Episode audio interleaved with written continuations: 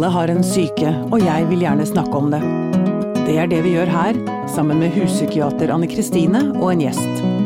Dette er Pia om syke. I forrige episode snakket Anne Kristine og jeg med Marius, som har bidratt til hennes siste bok. I denne episoden leser hun høyt fra boken som heter Jeg skal passe på deg.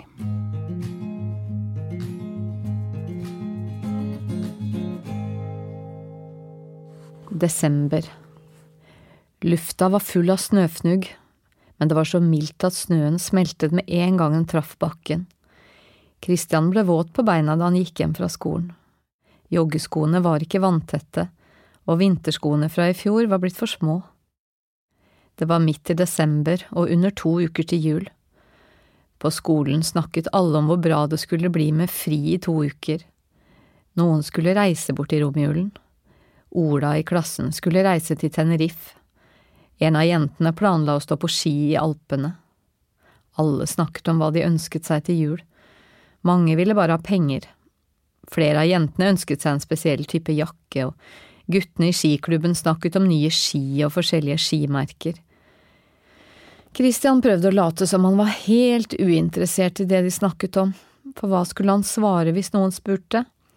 At han hadde pantet ølflasker i mange måneder allerede for å kjøpe en Nintendo DS til Magnus, og at han selv ikke regnet med å få noe? Det gikk ikke an å si sånt på skolen, det visste han. Men det var sannheten. Christian gledet seg ikke til jul. For Magnus sin skyld hadde han likevel bestemt seg for å late som. I dag hadde han kjøpt ferdig pepperkakedeig til 29 kroner på Rimi. Han gledet seg til å bake pepperkaker sammen med lillebroren etter at han hadde hentet han på SFO. Pepperkaker var det beste Magnus visste. Han ville helst ha det hele året. Christian smilte da han tenkte på det. På SFO var det glitter og julepapir alle steder. Bjelleklang sto på i bakgrunnen, og barna lo og sang med. Christian! ropte en lys guttestemme og før Christian visste ordet av det, hadde han armene til Magnus rundt halsen. Se hva jeg har laget, smilte lillebroren og viste fram en lang lenke av julepapir, den er til å henge på juletreet. Så fin den er, sa Christian og satte seg forsiktig ned på kanten av benken. I et lite øyeblikk tok han inn lydene og alle de glade barneansiktene. Magnus ville hente noe mer og løp av gårde. Christian så seg omkring. Han hadde hentet Magnus på SFO hele høsten, så han kunne navnet på de fleste av barna. Mange av dem smilte og vinket til ham, og han vinket tilbake. Han hadde hilst på SFO-læreren også, Siri het hun. Nå kom hun bort til Christian og satte seg ned. Hei, Christian, sa hun, er det travelt på skolen med tentamen og sånn nå før jul? Ja, Christian dro litt på det. Eh, litt, kanskje. Ja, her er det bare kos de siste dagene, lo Siri. Ingen mulighet til å få gjort noe lekser er nå, nei. Men barna har det bra, det er det viktigste. Ja, mumlet Christian. Plutselig var Magnus tilbake. Hva skal vi gjøre i dag? Magnus så forventningsfullt på storebroren. Vi skal bake pepperkaker, svarte Christian. Hurra! jublet Magnus og løp for å kle på seg. Du er en fin storebror, du, smilte Siri og klappet Christian forsiktig på armen før hun reiste seg. Christian smilte tilbake. Hjemme. Det var stille i huset da de kom hjem. Begge guttene tok pent av seg skoene. Yttertøyet hengte de på knaggene på veggen i gangen. De hadde hver sin knagg med bokstav på veggfestet, K og M. K-en hadde avflasset maling, for den hadde hengt der dobbelt så lenge som M-en. Christian og Magnus lyttet som alltid etter lyder og tegn på om det var noen i huset, men det var helt stille. Begge pustet ut, som om de helt hadde glemt å puste en liten stund. Kan vi bake pepperkaker med en gang? spurte Magnus. Snart, sa Christian, vi skal bare spise middag først.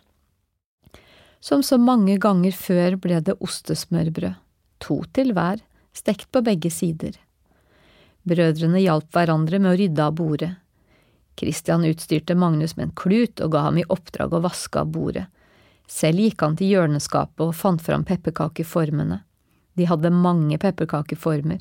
Før Synes mamma det var gøy å utvide samlingen hvert år. Hun kunne komme hjem fra bytur og triumferende trekke en ny form opp fra handleposen. Christian husket lastebilen, motorsykkelen, Mummien og alle englene. Nå var det flere år siden det kom noen ny form inn i huset. Magnus husket ingenting fra før, han. Christian fant fram et forkle til Magnus og hjalp ham med å knyte det bak på ryggen. Selv tok han et kjøkkenhåndkle og stappet innenfor bukselinningen. Han hadde funnet fram stekeplater, kjevler og deig. Alt var på plass. Magnus tok det lille kjevlet og gikk løs på en svær deigklump. Christian måtte hjelpe til litt innimellom så deigen ikke ble for tykk, men ellers var lillebroren blitt kjempeflink, synes Christian. Mens de bakte, hørte de på radioen. Det var en kanal som spilte julesanger døgnet rundt hele desember. Begge guttene sang med hver gang det kom en melodi de kunne. De bakte i flere timer, men så var det leggetid for minstemann. Christian hjalp Magnus til sengs og leste et kapittel i Brødrene Løvehjerte før de sa god natt og slokket lyset. Christian lukket døren til Magnus sitt soverom helt igjen. Det var en avtale de hadde, i tilfelle det skulle bli bråk og lyder i huset senere på kvelden. Brødrene Løvehjerte var yndlingsboka til Magnus. Han kalte Christian for Jonathan og seg selv for Kavring, og måtte få sitte på ryggen til Christian fra badet til rommet sitt nesten hver kveld. Mamma Etterpå satte Christian seg ved kjøkkenbordet og fant fram mattebøkene. Han var egentlig ganske trøtt, men han skulle ha mattetentamen neste dag, det var heldigvis ikke så veldig vanskelig stoff, men han ville kjenne seg tryggere etter å ha bladd gjennom de viktigste kapitlene en gang til. Mens han var midt i kapittelet om brøkk, hørte han skrapelyder på ytterdøra. Han visste at det var mamma som ikke fant nøkkelhullet. Raskt åpnet han døra før mamma ringte på og vekket Magnus. Mamma ramlet inn døra og måtte ta flere støttesteg for å ikke falle. Hei, Kristian, gutten min, sa hun med snøvlete stemme mens hun halvhjertet løftet armen for å ruske ham i håret. Ikke, mamma, sa Kristian og rygget bakover. Han likte ikke når mamma var sånn.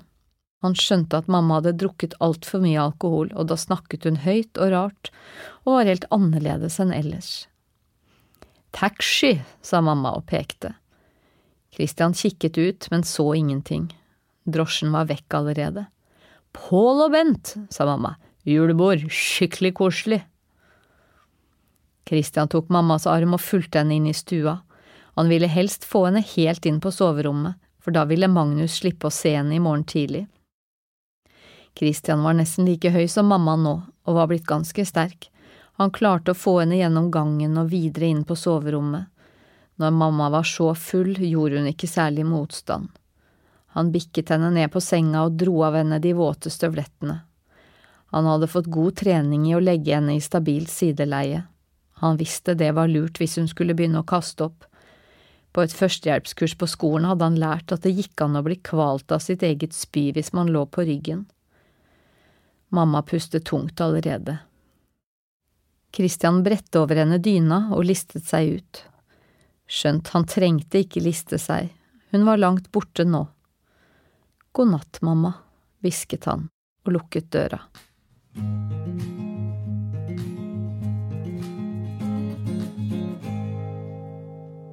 Utviklingssamtalen En dag like etter jul fant Christian en lapp i sekken til Magnus. Oversikt over utviklingssamtaler uke to og tre, sto det. Magnus skulle ha samtale 7. januar klokken 14.30. Mamma, sa Christian. Du må gå på utviklingssamtale med Magnus. Mamma åpnet øynene og så på Christian. Men eh, jeg, jeg var jo nettopp på skolen, må jeg dit nå igjen? Det er et halvt år siden du var der, mamma, svarte Christian. Det var i slutten av august, nå er det nytt halvår og nye samtaler. Å, sukket mamma og trakk dyna over hodet. I dagene som kom, prøvde mamma å ta seg sammen. Hun drakk mindre, hun dusjet og vasket klær. Hun lagde til og med middag en dag, hjemmelagd pizza. Magnus strålte som en sol over at mamma var blitt frisk igjen, som han sa. Christian var mer skeptisk, han hadde sett det samme mange ganger før. Mamma klarte å ta seg sammen i perioder når det virkelig gjaldt, men drikkingen ble like ille igjen etterpå. Christian skulle følge Magnus på SFO som vanlig den dagen utviklingssamtalen skulle være. Han stakk hodet inn til mamma før de gikk og spurte, Du husker samtalen i dag klokka halv tre, mamma? Ja da, mumlet mamma. Jeg ringer deg i siste fri og minner deg på det, sa Christian. Fint, mumlet mamma. Da Christian ringte mamma senere på dagen, tok det lang tid før hun svarte. Da han hørte stemmen hennes, skjønte han med en gang at det ikke kom til å bli noen samtale på henne i dag. Stemmen i telefonen snøvlet og gråt om hverandre. Kristian, gutten min, gråt hun, jeg har så fryktelig vondt i hodet, jeg må hvile meg litt. Kristian orket ikke snakke med henne, han holdt telefonen foran seg mens hikstene kom støtvis ut av den lille høyttaleråpningen. Bestemt trykket han på den røde knappen og la telefonen i lomma. Han droppet siste time og rakk akkurat bussen til barneskolen. Det var egentlig meningen at Magnus skulle være med på utviklingssamtalen denne gangen. Christian tenkte at det gikk ikke. Det ville være så fælt for Magnus å måtte høre på forklaringene Christian kunne komme til å måtte gi på at mamma ikke var der. Kanskje ville Magnus plumpe ut med noe om mamma som det ikke var lurt å si. Nei, det var bedre at Magnus ventet på biblioteket. Christian utstyrte Magnus med en eske smurfepastiller og en boks med juice på biblioteket. De ble enige om at Magnus skulle gjøre så mye han rakk av leksene sine, mens Christian snakket med læreren. Når de kom hjem, skulle de gjøre noe hyggelig sammen. Magnus smilte og vinket da storebroren gikk. Skrittene var tunge bortover gangen til klasserommet. Christian grudde seg. Vi har snakket sammen. Christian ble overrasket da han kom til klasserommet. I tillegg til Elisabeth, kontaktlæreren til Magnus, satt Siri fra SFO der. Han tenkte først at kanskje det var vanlig at både SFO-læreren og kontaktlæreren var med i utviklingssamtaler, men visste egentlig at det ikke pleide å være sånn. Det så ut som Elisabeth og Siri ble overrasket også. Hei, Christian, er det du som kommer, sa Elisabeth så lo hun litt og føyde til. Dumt spørsmål, jeg ser jo at det er du som er her. Kom inn og sett deg sammen med oss, smilte Siri. Begge var så vennlige at Christian kjente han fikk følelsen av å ha en klump i halsen. Han svelget flere ganger mens han sank ned på stolen. Det var stoler og pulter for førsteklassinger, så han ble sittende med knærne stikkende opp mellom seg og bordet. Mamma er syk, mumlet Christian lavt, så hun eh, kunne ikke komme, jeg sa at eh, jeg kunne gå i stedet. mm, sa Elisabeth. Sier du det? Christian så at Siri og Elisabeth vekslet blikk. Plutselig så Siri han rett inn i øynene. Vi har snakket sammen, Elisabeth og jeg, sa hun. Christian kjente at han ble tørr i munnen, hjertet hamret i brystet, han fikk ikke fram et ord. Jeg vet ikke helt hvordan jeg skal si dette, Christian, men vi er begge to bekymret for deg og Magnus, mest for deg egentlig, Magnus har jo deg. Christian så at Siri var blank i øynene mens hun snakket, begge så spente på han. Å, var det eneste han klarte å si. Tankene raste rundt i hodet hans, han hadde ikke grått på mange år, men nå kjente han at tårene presset bak øynene. Siri skjønte nok at han ikke visste hva han skulle si, for hun smilte igjen og la hånden sin på armen hans. Han kjente varmen fra hånden hennes gjennom genserermet. Det var lenge siden noen hadde tatt på han på den måten. Han fikk mange klemmer av Magnus, selvfølgelig, og mamma rusket ham i håret og klappet ham på kinnet når hun var full eller når hun hadde dårlig samvittighet. Dette var annerledes. Hånden til Siri kjentes trygg. Han visste at Siri var grei, hun var alltid vennlig når han møtte henne, og han visste at Magnus var veldig glad i henne. Vi, vi klarer oss, Magnus og jeg, altså, utbrøt han brått, jeg kan passe på Magnus, jeg. Det vet vi begge to at du kan, svarte Siri, vi ser hver dag hvor grei du er med lillebroren din og hvor glad han er i deg, men vi er bekymret for hvem som tar vare på deg, Christian, sa Elisabeth. Selv om du er ungdomsskolegutt, er det ting du burde slippe å ta ansvar for i hverdagen. Det ble stille en stund. Vi lurer på om kanskje moren din drikker for mye alkohol, sa Siri. Vi har begge to sett henne noen ganger på byen og i butikken. Sammen med det at det bare er deg vi ser på SFO og på skolen, gjorde det at vi begynte å tenke. Det var jeg som tok kontakt med Elisabeth, og det viste seg at hun hadde tenkt på det samme som meg. Vi hadde planlagt å snakke med moren din i dag, men så kom du i stedet. Vi har prøvd å ringe moren din mange ganger, men hun tar ikke telefonen, sa Elisabeth. Christian tenkte så det knaket. Hvis han sa at alt var i orden, fikk han og Magnus kanskje være i fred og alt kunne fortsette som før. Hvis Siri og Elisabeth skjønte at han løy, ville de kanskje ringe barnevernet. Han hadde sett på en TV-reklame i jula at voksne måtte ringe barnevernet hvis foreldre drakk eller slo eller noe. Hvis de gjorde det, ville Magnus og han måtte flytte fra mamma og kanskje ikke kunne bo sammen mer. Han hadde hørt sånne historier. Men samtidig var det fryktelig slitsomt å ha det sånn som nå. Tenk om det gikk an å få hjelp? Men hva ville mamma si? Hun ville kanskje bli sint, kanskje hun ikke ville være glad i han og Magnus mer? Så ville de miste henne også, sånn som de hadde mistet pappa.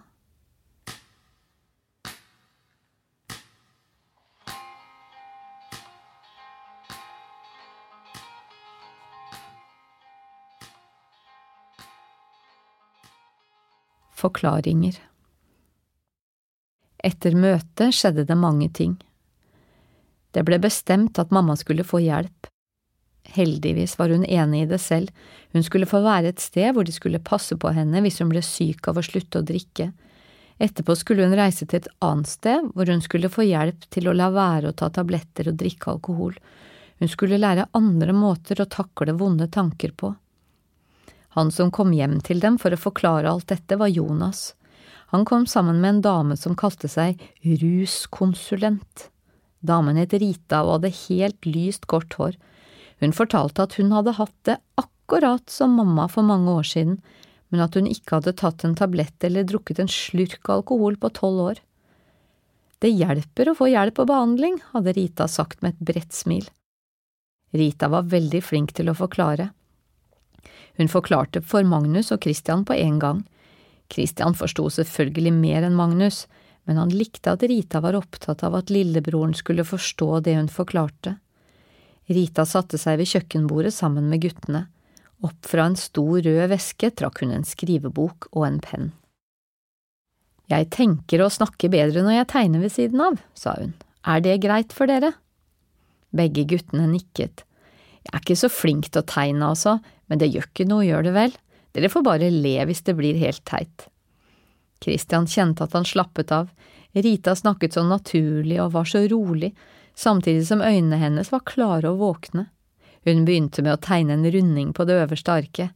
Her, sa hun, her har vi et hode. Det ligner ikke så veldig, sa Magnus. Rita lo. Det har du helt rett i, skal vi tegne på ører og hår? Magnus nikket. Kanskje du kan gjøre det, Magnus? spurte Rita og rakte ham pennen. Med tunga i den ene munnviken dypt konsentrert tegnet lillebroren kruseduller på toppen av rundingen til hår og en liten runding på hver side av hodet. Sånn, sa han, nå ligner det mer. Enig, nikket Rita. Det er plass til mange tanker i et hode, sa Rita. Kan du fortelle meg noen tanker du har i hodet ditt, Magnus? Hm, av og til tenker jeg på godteri. Magnus tenkte så det knaket. Noen ganger tenker jeg på å spille på DS-en min, eller på at vi skal spille fotball i gymmen. Bra, sa Rita, det var fine eksempler. Hun tegnet små rundinger inni den store. Se, her er fotballtanken, og der er godteritanken. Kanskje den blir stor av og til? Mhm, sa Magnus, når jeg tenker på godteri, tenker jeg masse på godteri, jeg liker sure tær og sure pærer best, smilte han. Rita lo igjen, øynene hennes ble nesten borte mellom alle rynkene rundt øynene når hun lo. Da tegner vi godteritanken dobbelt så stor. Hun tegnet mange sirkler oppå hverandre. Christian smilte, han skjønte at lillebroren likte Rita. Magnus satte seg så tett inntil Rita at han nesten satt på fanget hennes. Det er rart med tanker, fortsatte hun, Noen tanker gjør oss glade, mens andre tanker gjør at vi blir triste. Hun kikket på guttene. Er dere med? Guttene nikket begge to. Rita fortsatte. Hvis dere er triste og har vonde tanker i hodet, hva kan dere gjøre for at de skal gå bort? mm, se på en film på DVD, sa Magnus.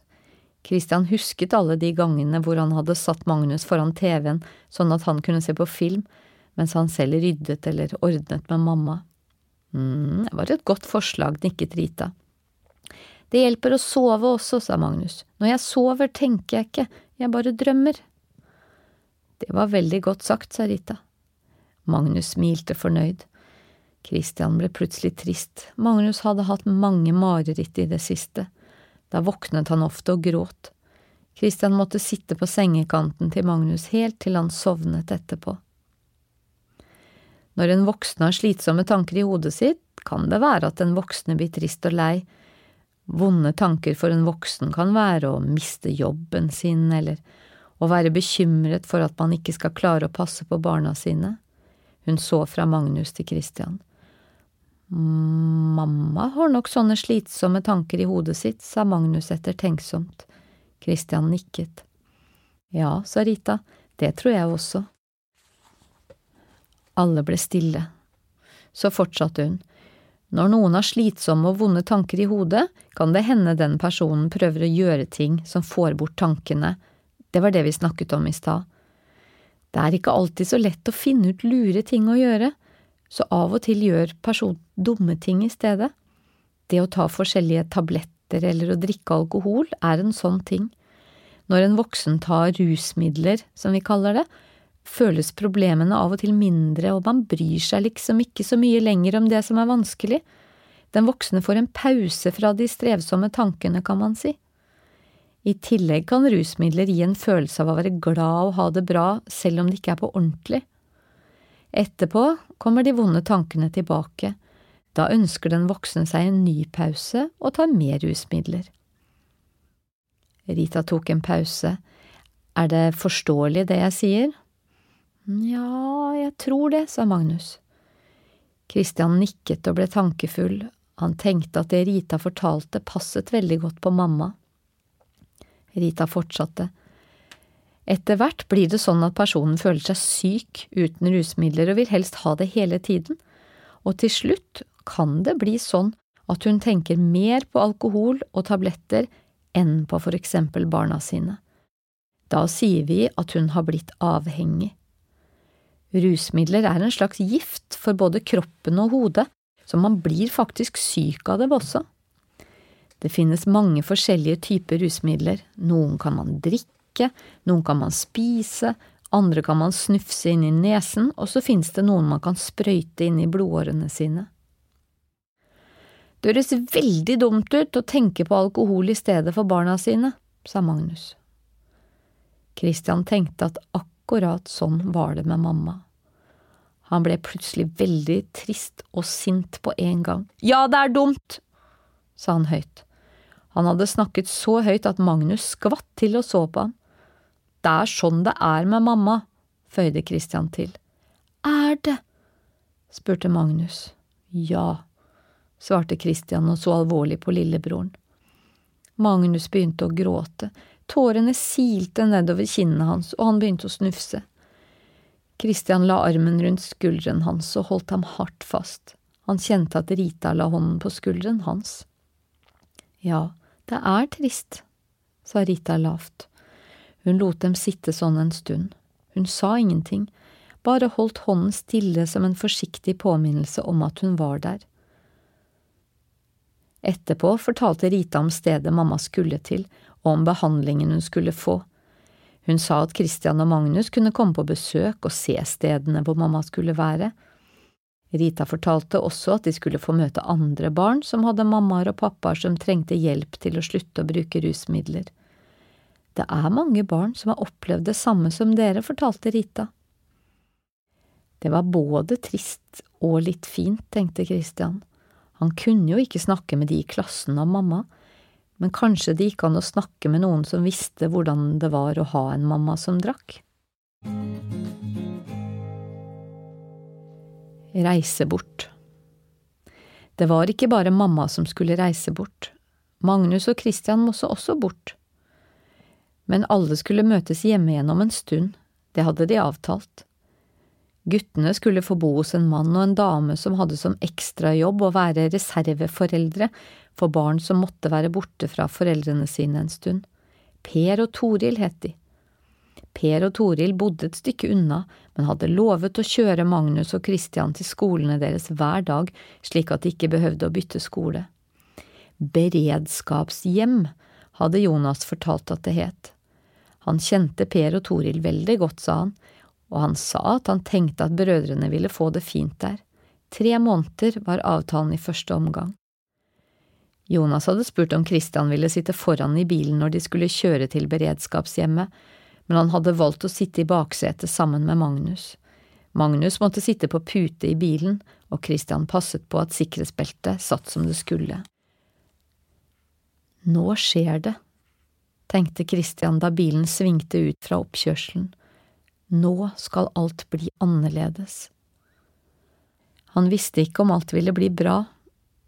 Han visste heller ikke om det ville bli greit å bo hos noen han ikke kjente, men det kjentes godt å vite at noen andre skulle hjelpe ham med å passe på Magnus.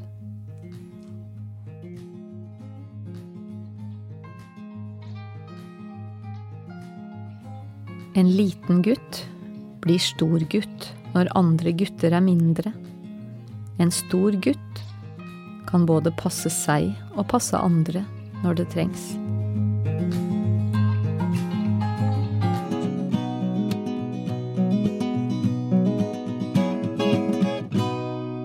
Denne podkasten er produsert av Tid og Lyst.